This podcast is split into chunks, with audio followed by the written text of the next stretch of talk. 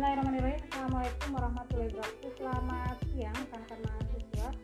Saya menambahkan pada tahap kedua ya eh, Hubungan antara agama, kesehatan, eh, psikopatologi, dan strategi Jadi Anda lihat bahwa di tahap kedua ini saya akan menjelaskan kembali mengenai coping. Jadi sebenarnya kondisi psikologis itu terlibat dalam agama dalam eh, kondisi-kondisi psikologis yang positif. Jadi semua kegiatan agama itu kemudian meningkatkan aspek yang positif. Sehingga kondisi psikologisnya menjadi lebih baik. Jadi dia bisa melawan ketakutan kesedihan ataupun kemarahan.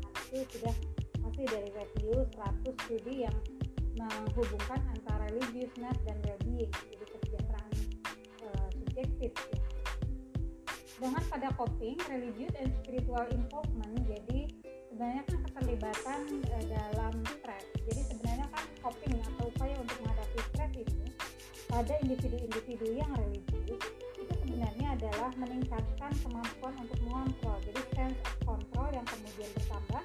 Karena sense of control yang kemudian bertambah, maka keuntungannya orang menjadi lebih mudah menghadap, e, dalam menghadapi kematian, lebih mudah dalam menghadapi penyakit dan lebih mudah menghadapi e, kondisi di mana ada salah satu dari anggota keluarganya misalkan yang meninggal.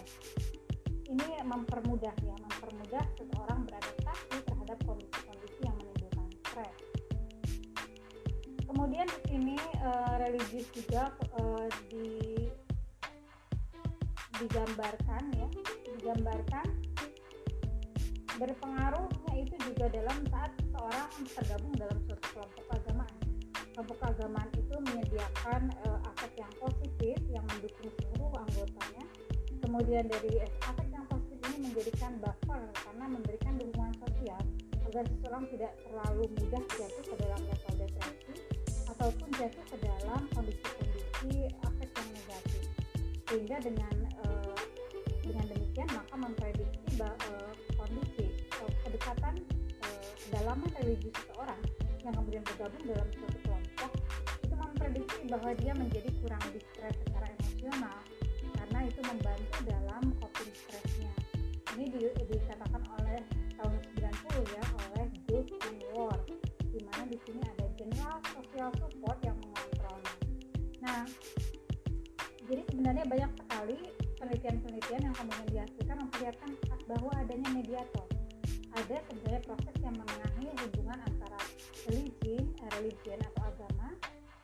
dan kesehatan mental. Di mana di sini banyak sekali penelitian kemudian meyakinkan bahwa banyak sekali hubungan antara agama dan kesehatan.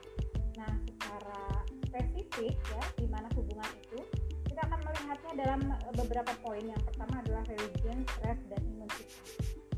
Jadi biasanya hubungan antara religion dengan uh, dan kondisi kesehatan secara ini kaitannya dengan sistem imun di mana orang yang melakukan ritual-ritual uh, zikir misalnya itu kemudian uh, menurunkan efek dari produksi hormon yang ada saat individu mengalami stres yang terjadi adalah hormon kortisol meningkat. Saat hormon kortisol itu meningkat ataupun terlalu rendah maka itu mengganggu ataupun berpengaruh terhadap fungsi-fungsi fisiologis secara umum. Apabila fungsi fisiologi secara umum terganggu, maka individu sakit. Sehingga memang terjadi hubungan yang langsung antara agama dengan kesehatan, terutama dalam imun sistem. Tubuh kita biasanya um, melakukan upaya untuk homeostasis atau menjaga keseimbangan. Ini kaitannya dengan hipotesis bahwa ada hubungan bolak-balik antara mind and body. Jadi ruh, jiwa dengan kondisi fisik. Jadi saat kita kondisi psikologisnya terganggu, maka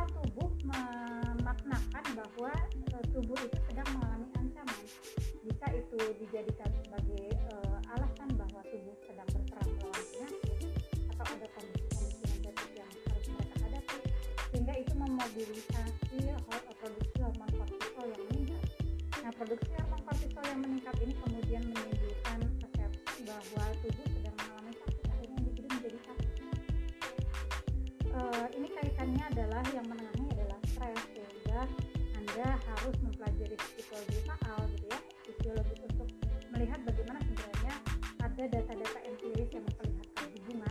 karena praktek-praktek religius atau praktek-praktek agama seperti zikir gitu ya kemudian tasawuf gitu ya eh, praktek tasawuf atau tarekat yang kemudian sebenarnya bisa menurunkan eh, bisa meningkatkan sistem imun tadi.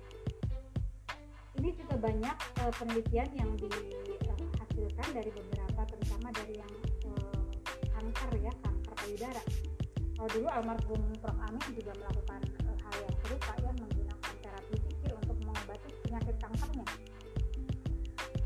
sini anda lihat bahwa uh, ada hubungan. Jadi sebenarnya ada hubungan antara agama dengan keterlibatan secara spiritual dan fisik seperti juga emosional terhadap kesehatan. Sehingga di sini anda lihat bahwa ada mekanisme yang luas bahwa ada kombinasi ya ada kombinasi antara secara independen antara ketiganya religius ya eh, kondisi kesehatan terutama diperantarai oleh atau imun sistem tadi Nah, untuk uh, kesehatan secara fisik, uh, perilaku sehat itu sebenarnya kan banyak di, didukung oleh beberapa ritual-ritual uh, agama. Kemudian syariat, misalnya kalau kita bahas bagaimana orang Islam itu tidak boleh atau haram memakan babi, ternyata babi itu memang banyak mengganggu kesehatan gitu ya. Sehingga perilaku untuk tidak makan babi, tidak merokok, tidak meminum minuman keras, kemudian penggunaan obat yang beresiko ya terhadap fisik itu banyak diatur oleh e, syariat gitu ya sehingga itu juga mempengaruhi bahwa perilaku kesehatan itu banyak didukung oleh e, agama Islam. Nah, Anda lihat di sini bahwa para peneliti atau scientific researcher, researcher ya, ini memperlihatkan bahwa ada hubungan antara agama dengan kesehatan tahun 80 masih seperti itu. Sebenarnya sekarang juga seperti itu ya. Dan ini tidak terbatas pada ritual zikir yang ada di agama Islam tapi ada Buddhis ada meditasi Buddha gitu ya, ada Zen gitu ya. Banyak sekali yang kemudian penelitian-penelitiannya banyak dipublikasikan di jurnal-jurnal internasional. Nah beberapa metodologi yang kemudian concern terhadap stres ya ini sebenarnya digambarkan bahwa melalui self report atau uh, report kemudian dilakukan pengukuran ternyata memang terdapat hubungan antara keduanya di mana beberapa pengukuran kesehatan itu sebenarnya banyak yang dilakukan dengan self report kemudian data self report itu memperlihatkan bahwa individu yang religius dan spiritual itu cenderung uh, kondisi fisiknya lebih sehat daripada yang tidak melakukannya gitu ya. Tidak melakukan ritual-ritual yang berkaitan dengan uh, agamanya selanjutnya tadi ya jadi religion and uh, behavior atau perilaku sehat berhubungan langsung ya. Kemudian religion and physical health juga berhubungan kaitannya dengan bad habit and good habit. Jadi ada kebiasaan yang baik dan kebiasaan yang buruk.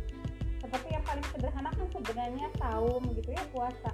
Puasa itu kan sebenarnya membuat tubuh kita menjadi lebih sehat kemudian ada beberapa relationship atau kekuatan hubungan yang kemudian membuat kita uh, meyakini bahwa sebenarnya ada hubungan antara agama dan kesehatan. Hanya biasanya kendalanya adalah uh, proses pengukuran ataupun alat ukur yang dipergunakan itu kurang bisa memperlihatkan hubungan keduanya ini. Jadi itu yang biasanya anda pelajari untuk membuktikan beberapa studi empiris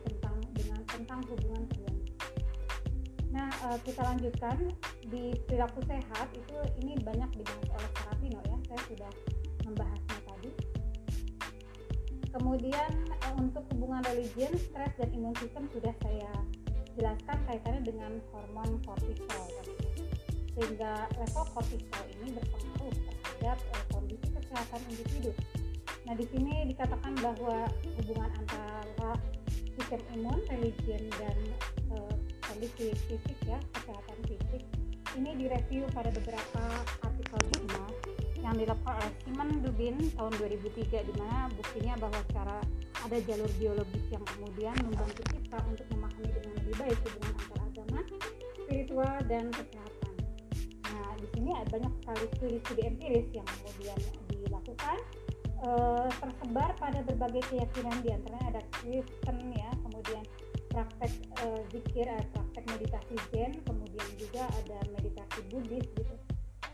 Semuanya berkaitan dengan level hormon, di mana uh, stresnya semakin turun, hormon stresnya semakin turun kolesterol juga semakin turun juga ada hubungan dengan tekanan darah yang turun gitu ya saat individu melakukan ritual zikir ataupun meditasi nah di sini yang paling jelas terlihat yaitu adalah uh, hidup atau individu yang sangat religius atau religius dan uh, memiliki kedalaman spiritual. Itu secara fisiologis uh, uh, berpengaruh ya. Di mana di sini sebenarnya kalau memisahkan antara mereka uh, kalau dilakukan keterpisahan antara ketiga-tiganya itu uh, sebenarnya kita bisa melihat hubungannya malah untuk masyarakat yang menempati banyak sekali uh, yang memfokuskan pada kondisi kesehatan fisik dan kehidupan yang panjang. Implikasinya dari itu memperlihatkan hubungan yang sangat signifikan antara religius kesehatan dengan uh, religius kesehatan dan stres gitu ya dan imun untuk itu maka beberapa topik riset itu masih menjadi topik yang menarik untuk didiskusikan uh, ataupun uh, dilakukan penelitian-penelitian. Nah untuk hubungan religion and longevity jadi banyak yang berargumen bahwa hubungan antara agama dan kesehatan itu sebenarnya ditemukan dalam longevity. Jadi longevity itu bagaimana seseorang bisa hidup lebih lama ya. Nah di sini yang menakjubkan adalah ada sejumlah studi yang memperlihatkan isu bahwa e, indikasinya ternyata keterlibatan agama itu berhubungan dengan e, kecenderungan untuk angka kematian yang rendah. Jadi masalahnya adalah semakin kompleks e, penelitian yang dilakukan banyak variabel compound. Jadi sebenarnya e, kesulitannya adalah membersihkan. Jadi sebenarnya kan e, dalam religius itu banyak sekali variabel-variabel yang kemudian berpengaruh nah compound variabel ini harusnya dibersihkan dulu sehingga kita bisa tahu bahwa memang betul-betul hanya religius yang kemudian e, berpengaruh gitu ya Nah, di sini banyak variabel compound. Jadi ada variabel compound yang kemudian mempengaruhi hubungan antara religion dengan longevity. Nah, banyak riset yang kemudian e, membahas ini baik secara langsung maupun tidak langsung dengan isu-isu yang diproduksi sering kali ditampilkan. Digambarkan di sini adalah hubungan antara gender and faith. Ada jenis kelamin dengan keyakinan yang kelihatan korelasi antara kematian dengan agama Nah ini kematian dengan agama itu sangat terlihat pada untuk wanita daripada laki-laki. Nah penemuan-penemuan ini terlihat bahwa ada tes di mana karena wanita itu sebenarnya cenderung lebih outlive jadi gini ya mungkin ya wanita uh, penelitian tentang wanita itu memperlihatkan bahwa religius ini sangat berhubungan dengan umur yang panjang kembali lagi ada compound variabel atau variabel-variabel yang mengotori variabel yang sedang kita teliti. Di antaranya adalah bisa saja wanita ini bukan karena kereligiusannya dia jadi angka kematiannya rendah, tapi karena ada compound variabel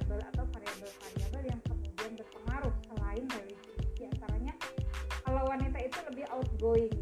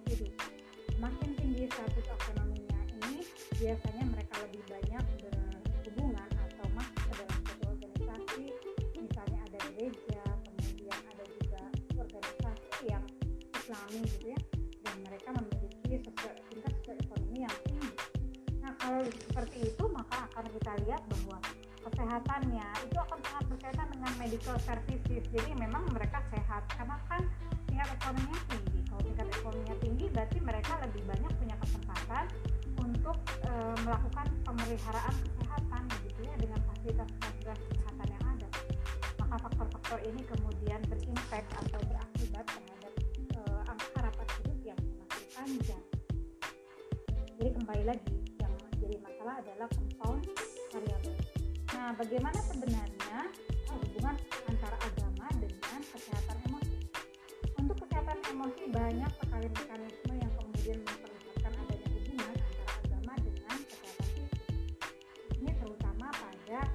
hubungan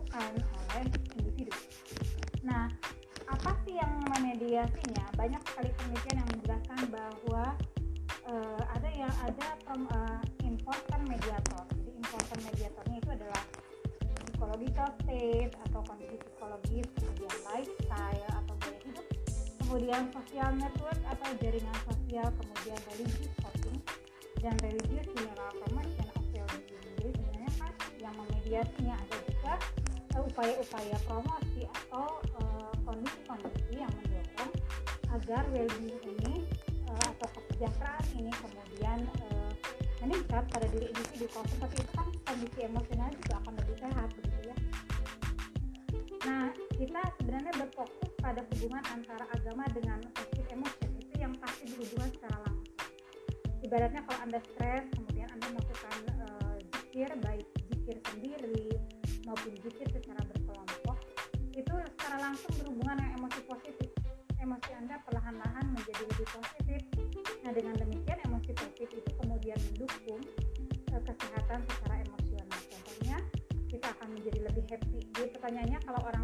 zikir malah jadi tidak happy itu jadi tanda tanya ya uh, sejauh apa kemudian uh, zikir ini bisa menghasilkan emosi-emosi yang positif misalnya ketenangan begitu ya atau rasa nyaman, rasa aman, rasa bahagia.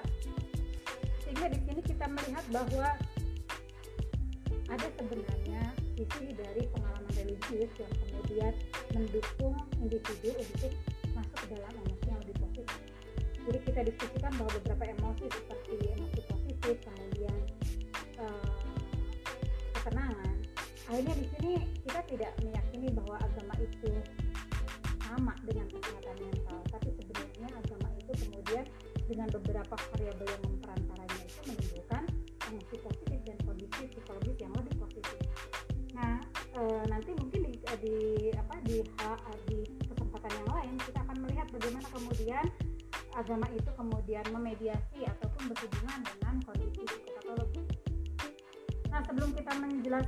uh, emosi yang uh, spesifik, uh, psikologi agama kemudian menolak religius. Ketika kita membahas tentang psikologi agama, maka kita akan menggali bahwa sebenarnya banyak sekali orang yang kemudian secara religius dan uh, memiliki pengalaman spiritual dan religius. Nah, pengalaman spiritual dan religius ini menghasilkan uh, komponen emosional yang sangat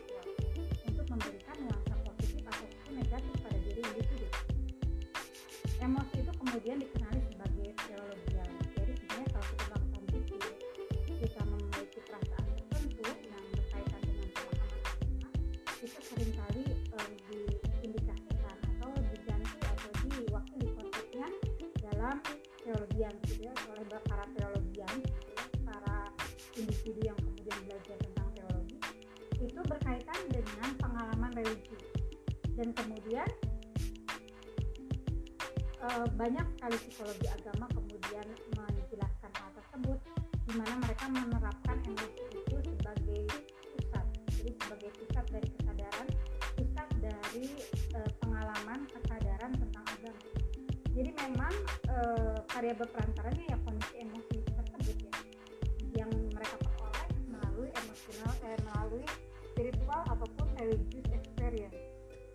Nah hal ini kemudian ditolak fakta yang kemudian atau riset-riset dari emosi ini yang kemudian menolak di mana sebenarnya ada kondisi psikologis atau psychological domain yang tidak diragukan lagi bahwa itu adalah menjadi bagian dari diri individu.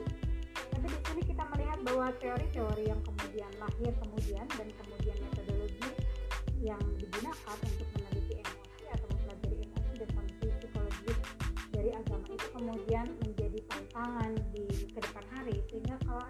melakukan penelitian-penelitian yang berkaitan dengan spiritual experience, kondisi psikologi, bagaimana pembuktian antara uh, ritual-ritual yang dilakukan dengan kondisi psikologis itu itu jadi tantangan kita ya untuk penelitian-penelitian berikutnya.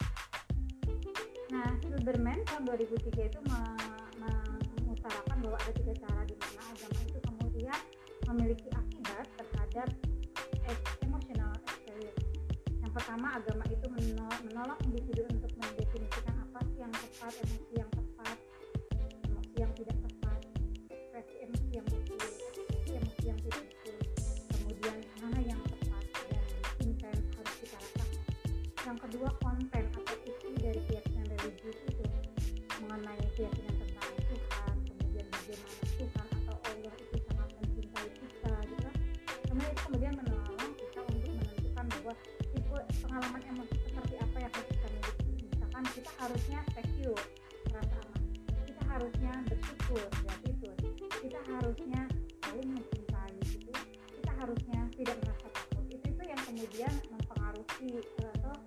memperlihatkan hubungan antara religius dengan emosional uh, well-being tadi. Yang ketiga, agama juga menyediakan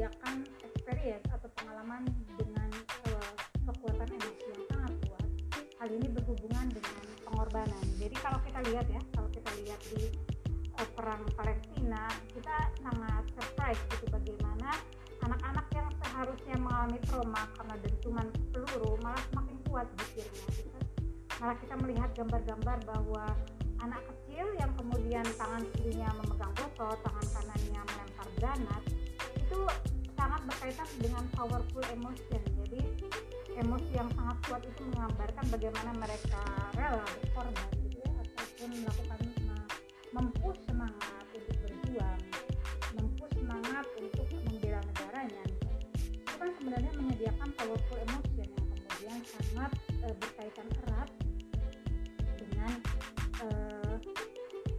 emosional tadi. Nah, selanjutnya adalah meaning, meaning, purpose, and self-esteem. Jadi pada kita melihat bahwa agama itu sebenarnya unik, punya posisi yang unik. Kenapa? Karena dia memiliki makna yang global tentang sense of meaning, bagaimana kita memaknakan hidup, bagaimana kita memaknakan hidup itu terlibat dalam keyakinan, tujuan hidup, perasaan subjektif, yang kemudian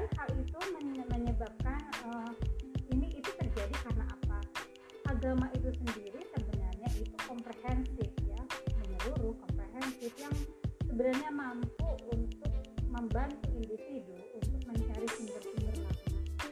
Apa makna keluarga, apa makna pekerjaan, apa makna hubungan personal, dan apa makna-makna value yang kita peroleh dari pembelajaran agama. Kemudian uh, itu digunakan untuk memahami manusia melalui sistem value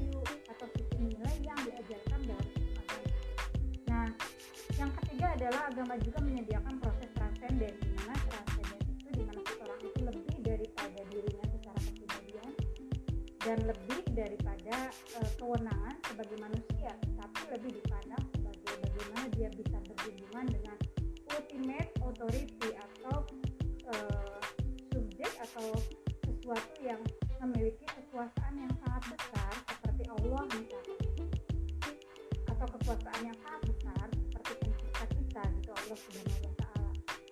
orang terhubung terkoneksi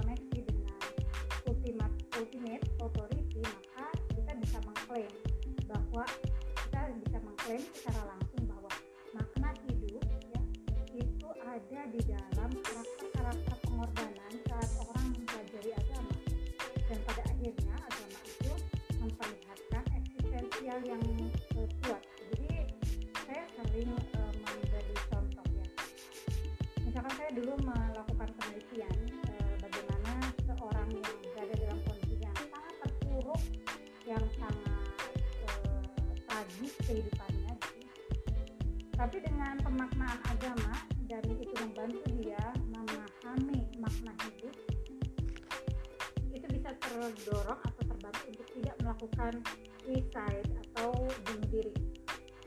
Jadi waktu itu tahun 2000 berapa ya yang uh, 2009 ya 2009 2010 itu banyak terjadi upaya bunuh diri yang dilakukan oleh siswa SMA kelas 3 hanya karena tidak lulus UN sekarang UN dihapus ya kalau uh, ini sangat kontradiksi dengan subjek penelitian saya. Jadi ada uh, gadis uh, wanita ya. Sekarang dia sudah menikah belum menikah waktu itu dia belum menikah. Jadi dia usia 14 tahun kemudian dia punya yang sakit uh, orang tuanya itu kemudian bapaknya memaksa dia setelah umur 14 tahun itu uh, dipekerjakan menjadi pembantu dan dimasukkan ke dalam uh, sebuah yayasan yang menampung pembantu.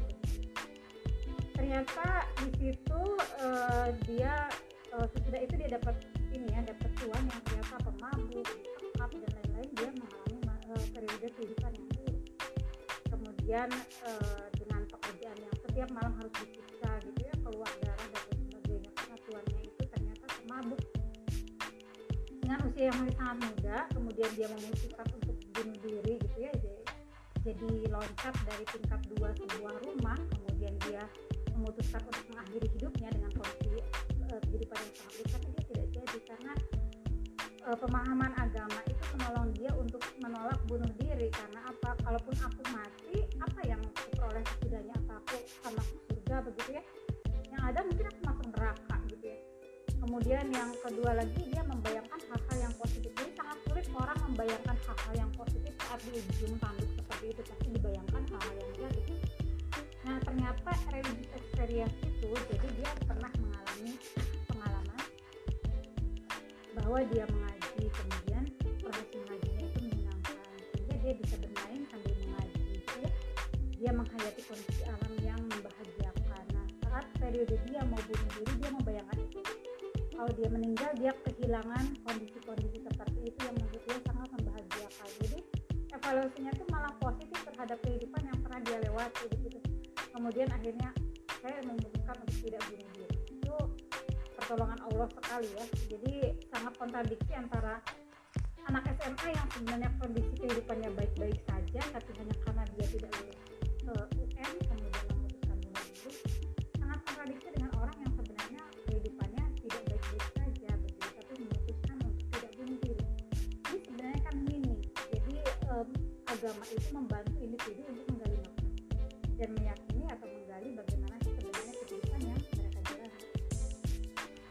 penelitian-penelitian empiris kemudian mensupport bahwa agama itu berhubungan dengan sense of meaning in life. Jadi bagaimana dia mencari makna hidup kemudian bagaimana uh, orang yang lebih tua menjadi lebih stronger lebih kuat. Ini penelitiannya dilakukan pada etnis minoritas ya. Sehingga di sini terlihat bahwa ada meaning making atau proses untuk mencari makna yang kemudian agama ini banyak menjalani atau uh, banyak menggali makna melalui proses ritual-ritual agama kemudian memperoleh uh, harapan rasa harapan dan optimisme yang besar dari penggalian agama ini. Ini dilakukan pada kelompok-kelompok uh, yang miskin. Jadi yang subjek saya itu juga miskin juga ya. Sehingga dia harus bekerja untuk menghidupi keluarganya jadi di sini ada senior citizen. Jadi warga negara senior yang kemudian uh, yang putus asa karena kemiskinan kriminalitas tapi kemudian dan merasa masuk dalam etnis minoritas kemudian menemukan bahwa agama itu menjadi sumber pencarian makna hidupnya. Dan dia menjadi berguna gitu dan makna ini dilakukan dalam indeks interview pada 23 uh, wanita Afrika. Sebenarnya kita bisa melakukan juga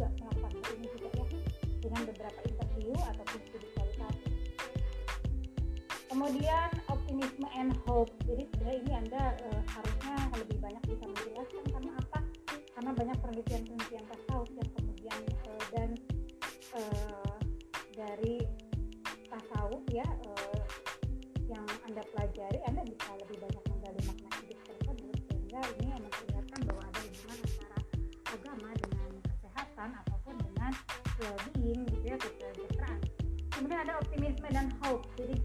pada 15 penelitian yang dilakukan pada 2000 uh, eh, subjek. Dia meneliti bahwa ada hubungan antara agama dengan optimisme and hope dan ditemukan ada empat hubungan ya. Ada empat yang memperlihatkan tidak terlepasnya hubungan.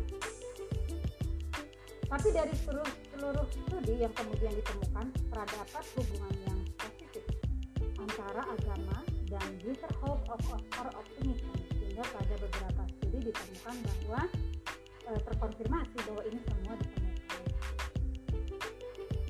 Nah, selanjutnya Marston tahun 1999 melakukan survei pada 125 siswa SMA ya junior high school di West Virginia diperlihatkan bahwa banyak sekali keterlibatan-keterlibatan agama yang kemudian berhubungan dengan peningkatan ego strength jadi kekuatan ego kemudian hope atau harapan kemauan purpose bahwa hidupnya itu bermakna.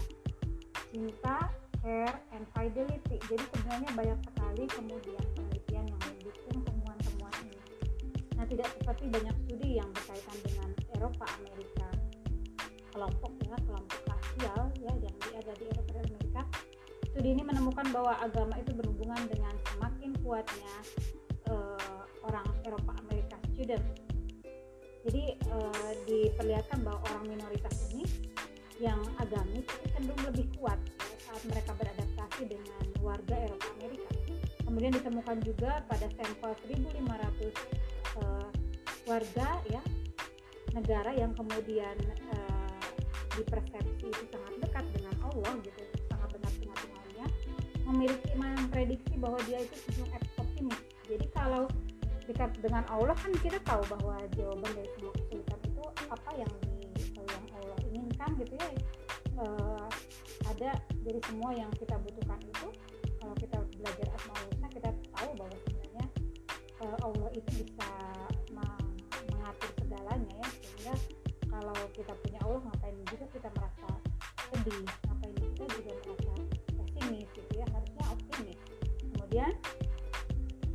di antara warga Afrika Amerika keyakinan agama itu sebenarnya tidak secara langsung memperlihatkan uh, perilaku agama namun menjadi prediktor bahwa hope atau variabel harapan ini menjadi lebih meningkat.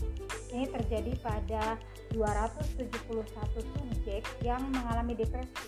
Jadi optimismenya lebih naik gitu ya dibanding yang tidak melakukan aktivitas-aktivitas religius. Nah, beberapa penelitian mensuggest bahwa optimisme ini kemudian berhubungan dengan uh, religious conservatism. Jadi Anda lihat bahwa uh, Seligman pada penelitian Seligman itu memperlihatkan bahwa ada hubungan kontra antara hipotesis bahwa religius konservasi ini menjadi atau fundamentalisme itu kemudian berhubungan dengan negatif self concept and low esteem tapi ternyata uh, mereka itu berhubungan juga dengan sin and guilt jadi rasa malu rasa bersalah. Sehingga uh, dari tiga anggota kelompoknya itu ya ada liberal moderat dan fundamentalis terlihat bahwa fundamentalis itu lebih uh, bagus menggambarkan bahwa uh, mengindikasikan bahwa mereka cenderung optimis. Ada bagaimana mereka optimis bagaimana mereka pesimis. Sebenarnya penelitiannya tentang optimis dan pesimis pada tiga kelompok tersebut. Nah optimisme itu kemudian menjadi lebih besar pada anggota kelompok yang fundamental daripada yang moderat. Kita lihat bahwa yang lebih dalam pemahaman agamanya mereka lebih optimis. Kemudian anggota dari kelompok liberal liberal ya menggambarkan mereka eh, kecenderungannya adalah kurang optimis. Dan agama pemimpin agama itu diinterview kaitannya dengan perbedaan antara prayer and typical used by different faith jadi konten analisisnya digunakan untuk melihat materi-materi yang memperlihatkan bahwa terdapat teori yang paralel tentang level optimisme dalam kelompok dengan kata lain kelompok yang fundamentalis ini cenderung lebih optimis dan memiliki memiliki uh, religious content yang lebih optimis daripada kelompok yang liberal ya. kemudian uh, itu menyimpulkan bahwa fundamentalisme itu kemudian uh, tingkat harapan yang tinggi. Terus kurang hopeless jadi tidak terlalu tidak berdaya gitu. Kemudian uh, dan kurang menyalahkan diri sendiri untuk konsekuensi negatif yang terjadi. Sehingga itu uh, mungkin uh, masukannya adalah perlu diulangi pada penelitian kelompok lain. Tapi ini uh, hasil ini memperlihatkan bahwa pemahaman agama ini kemudian memprediksi kecenderungan individu menjadi hope menjadi optimis dibanding yang kelompok yang lain Nah, Snyder, Simon, and Friedman itu menyarankan bahwa agama itu memiliki kapabilitas yang unik untuk menyediakan hope karena apa? Dia menyediakan tujuan yang jelas, tujuan hidup yang jelas, kemudian mendukung uh, jalur atau jalan yang uh, menggambarkan bagaimana individu kemudian berpikir untuk mencapai tujuannya dan menyediakan insentif untuk memotivasi seseorang mencapai tujuannya. Untuk itu maka konteks dari agama itu mengenai hope itu menyediakan uh, uh, buffer saat individu mengalami kehidupan yang buruk. Dia memandang hidup itu menjadi sesuatu yang menantang, kemudian uh, ada suatu keyakinan jaminan sebenarnya ada kebahagiaan atau kesenangan yang abadi ya sesudah meninggal. Kaitannya dengan kehidupan di surga misalnya kemudian di sini uh, emotion. Jadi ada emosi yang berkaitan dengan pengorbanan kemudian kebersyukuran. Ini rekan-rekan mahasiswa saya memberikan uh, ringkasan yang sebagian besar saya gambarkan inti-intinya untuk itu untuk makalah yang minggu depan harus Anda perbaiki karena saya lihat Anda masih mengambang. Jadi kenapa saya banyak menjelaskan? Karena saya membaca makalahnya itu sangat kurang menyentuh substansi begitu ya. Maka saya minta anda menambahkan bagaimana yang uh, sesuai sesuai textbook kaitannya dengan uh, psikologi agama ya. Dari Ralph minimal itu ada sacred emotion emosi yang menggambarkan pengorbanan ya. Jadi anda tambahkan sekarang bagaimana agama itu berhubungan dengan uh, emosi pengorbanan kemudian kebersyukuran. Karena anda dari tasawuf anda harus bisa membuktikan itu gitu ya. Humility gitu ya. Kemudian juga uh, bagaimana dinamika psikopatologinya. Jadi kan kalau saya gambarkan aja karena ini memang uh, ranahnya psikologi jadi pada agama itu tadi sudah kita bahas berhubungan dengan mental atau kesehatan yang baik. Kemudian secara psikologis maupun secara fisik. Nah hubungannya itu dengan apa? Saat kita membahas psikopatologi hubungannya adalah dengan masalah-masalah psikologis. Misalnya agama itu dapat menyediakan ekspresi bagi mental disorder. Jadi orang yang terganggu secara mental saat dia cemas maka kecemasan itu bisa dia ekspresikan kemudian dia luapkan kemudian dia gunakan dalam zikir. Kemudian sehingga agama itu menyediakan e, sarana untuk mengekspresikan berbagai gangguan yang dia alami. Kemudian institutional faith jadi sebenarnya kan kalau kita terlibat atau terikat dalam suatu agama kemudian dia kita bergabung dalam suatu kelompok agama yang terjadi maka kelompok agama itu menyediakan sosial support kemudian membantu individu untuk uh, stres jadi uh, mungkin ada dorongan-dorongan negatif yang ada dalam diri kita yang stres nah keyakinan-keyakinan dan ajaran-ajaran agama itu kemudian membantu kita untuk menekannya. Kemudian agama juga menyediakan protective agency. Jadi e, menyediakan sumber-sumber yang bisa e, melindungi individu dari gangguan mental misalnya puasa gitu ya. Kemudian bagaimana kita harus bersabar. Itu kan sebenarnya upaya protektif untuk gangguan mental. Kemudian spiritual commitment ada komitmen secara spiritual yang menyebabkan individu itu terlibat dalam terapi. Jadi kalau terapinya itu sesuai dengan keyakinan agamanya maka individu akan semakin yakin gitu tentang terapi yang akan dijalani. Anda bayangkan anda misalkan berkonsultasi dengan psikolog. Psikolognya itu punya background agama. Anda yakin tentang keyakinan agama tertentu dan keyakinan agama itu sejalan dengan terapi yang dilaksanakan maka itu akan memperkuat fungsi terapi yang kemudian dia jalani selanjutnya adalah religion can be stressor jadi tapi sisi negatifnya sebenarnya bisa saja agama ini menjadi sumber stresor apabila nilai-nilai agama itu kemudian membahayakan kesehatan. Misalnya saja gini e, tidak apa-apa e, kamu tidak makan ya. Ini yang sangat prinsipil. Uh, tidak makan beberapa hari gitu. Allah akan uh, memberikan rezeki ataupun energi yang sebenarnya energi spiritual itu kan datang dari Allah. Saja kalau anda tidak makan dan itu memang tidak sesuai dengan syariat ya kita mau uh, memprioritaskan kehidupan akhirat. Tapi bukan berarti bahwa uh, kita tidak memenuhi kebutuhan fisik juga. Itu kan kesannya menzolimi. Kalau keyakinan yang diyakini ya kan uh, kita mungkin punya uh, kajian yang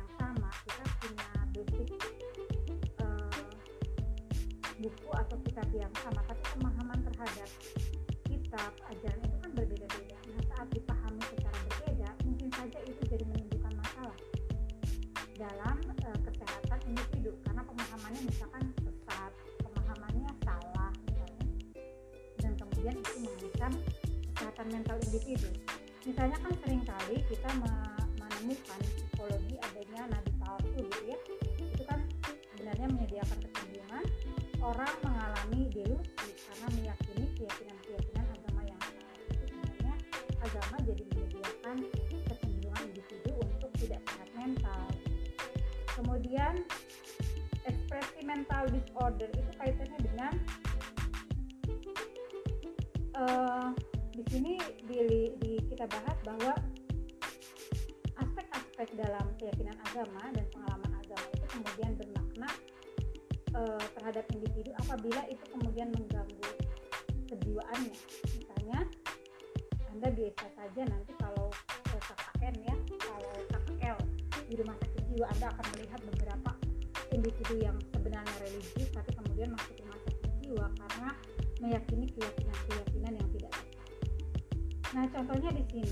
ada orang yang menderita uh, gangguan mental karena dia mengalami delusi dan halusinasi berkaitan dengan uh, upaya Tuhan dalam um, menciptakan sesuatu.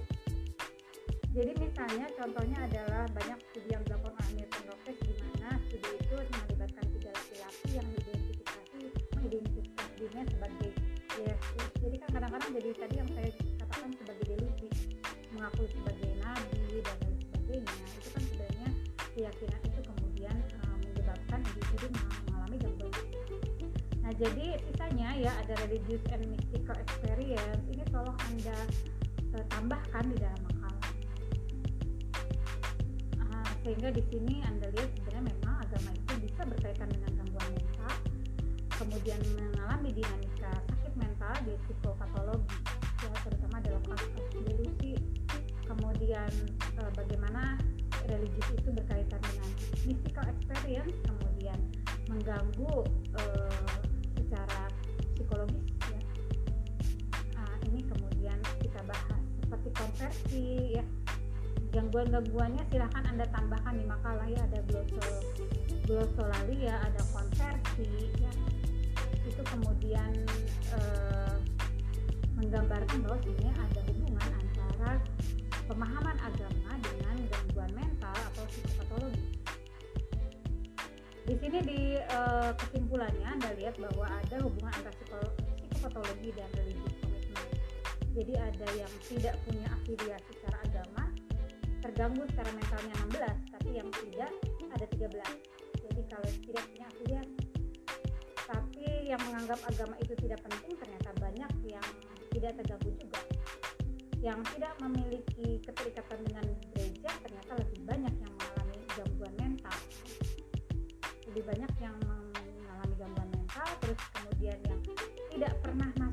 gereja ternyata lebih uh, sering mengalami gangguan mental. Jadi anda lihat bahwa yang tidak punya afiliasi secara yang tidak punya yang memandang agama itu tidak penting yang tidak terlibat dengan kegiatan di masjid atau di gereja yang tidak pernah datang ke gereja ternyata itu lebih banyak yang mengalami gangguan mental dibanding tidak.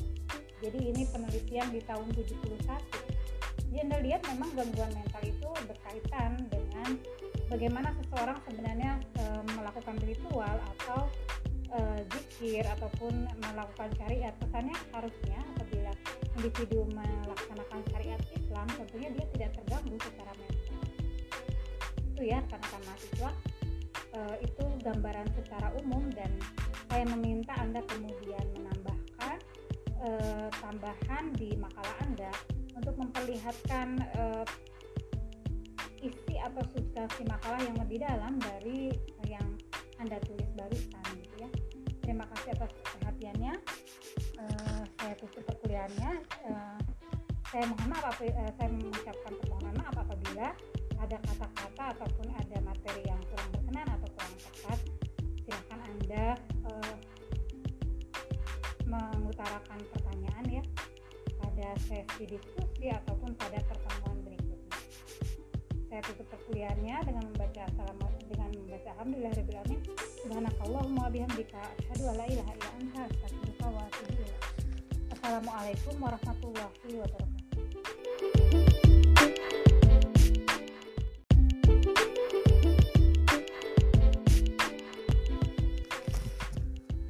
Bismillahirrahmanirrahim. Assalamualaikum warahmatullahi wabarakatuh.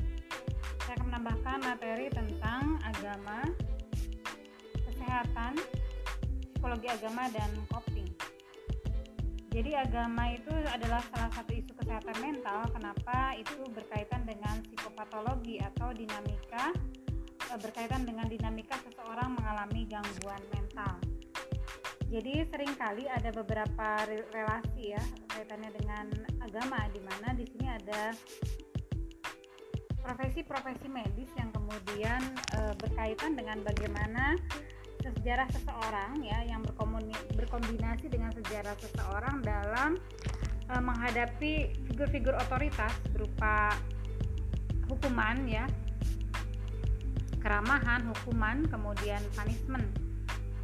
Di mana di sini Anda akan melihat bahwa ada beberapa concern atau perhatian tentang agama yang secara psikologis atau psikiatrik itu sebenarnya e, sudah terjadi ya dalam psikologi komunitas.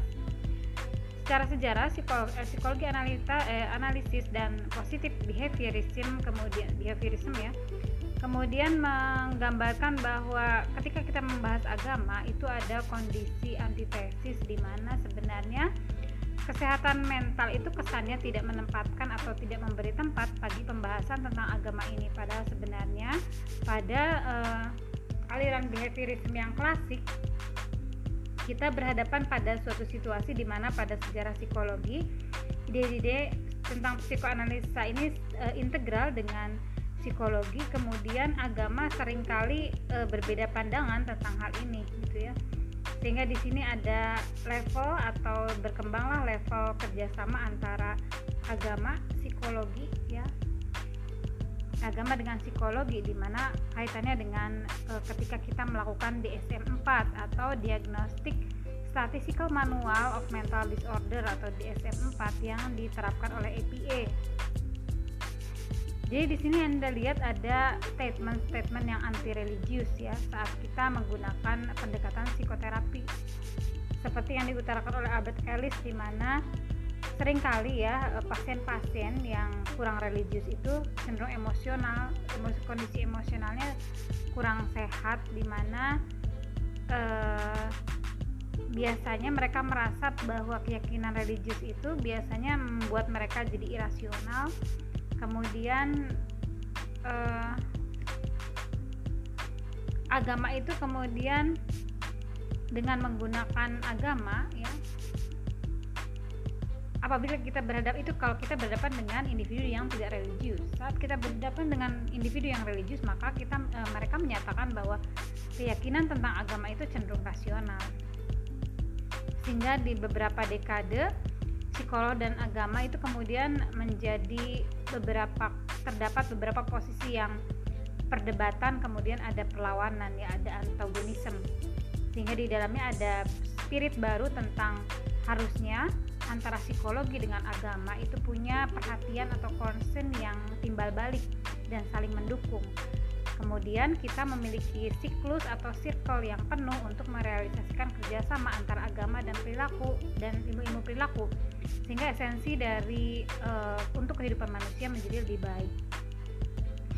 Nah ini pembahasan awal ya dari uh, hubungan antara psikologi, agama dan kesehatan mental.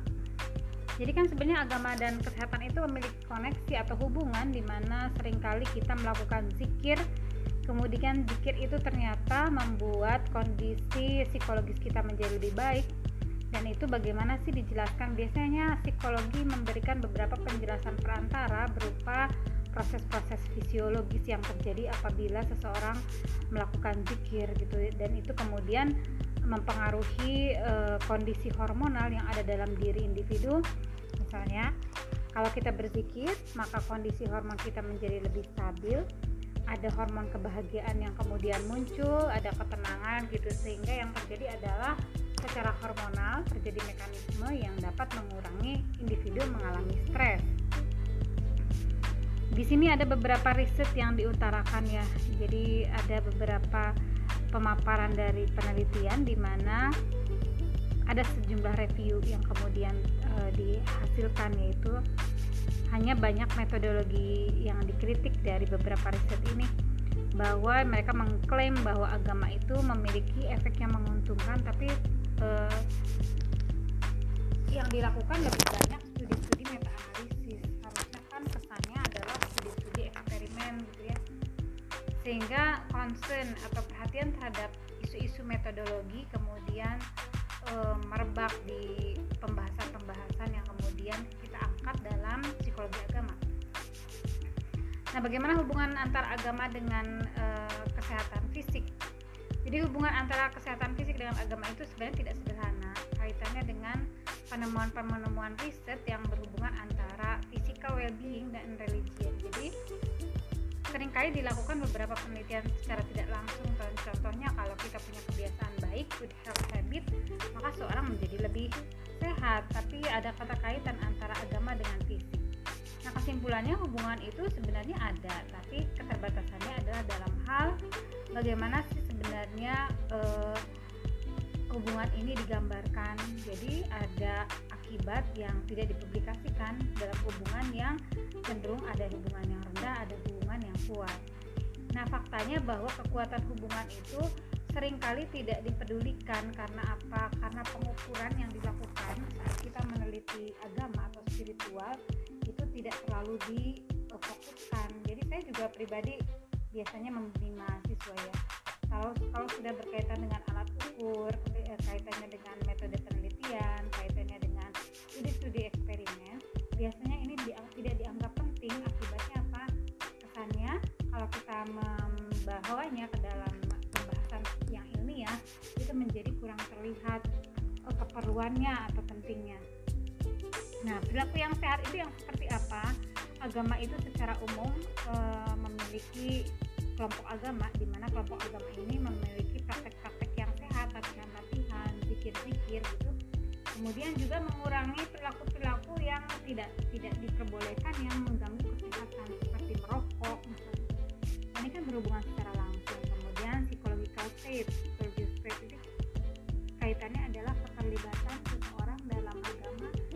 yang menempatkan yang menempatkan agama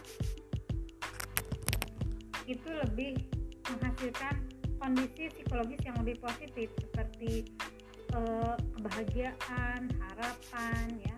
Kemudian bisa membuat buffer mekanisme pertahanan terhadap stres sehingga eh, mengurangi atau menjaga seseorang dari kondisi psikologis yang negatif. Kemudian coping, religious and spiritual involvement itu kemudian menyediakan kesempatan untuk orang uh, berhadapan dengan individu yang non religius nah, jadi zikir itu merupakan upaya coping juga yang disebut coping spiritual. Kemudian social support keterlibatan dalam kelompok itu menyediakan social support dalam diri individu sehingga uh, social support itu kemudian membuat individu bisa bertahan pada kondisi stres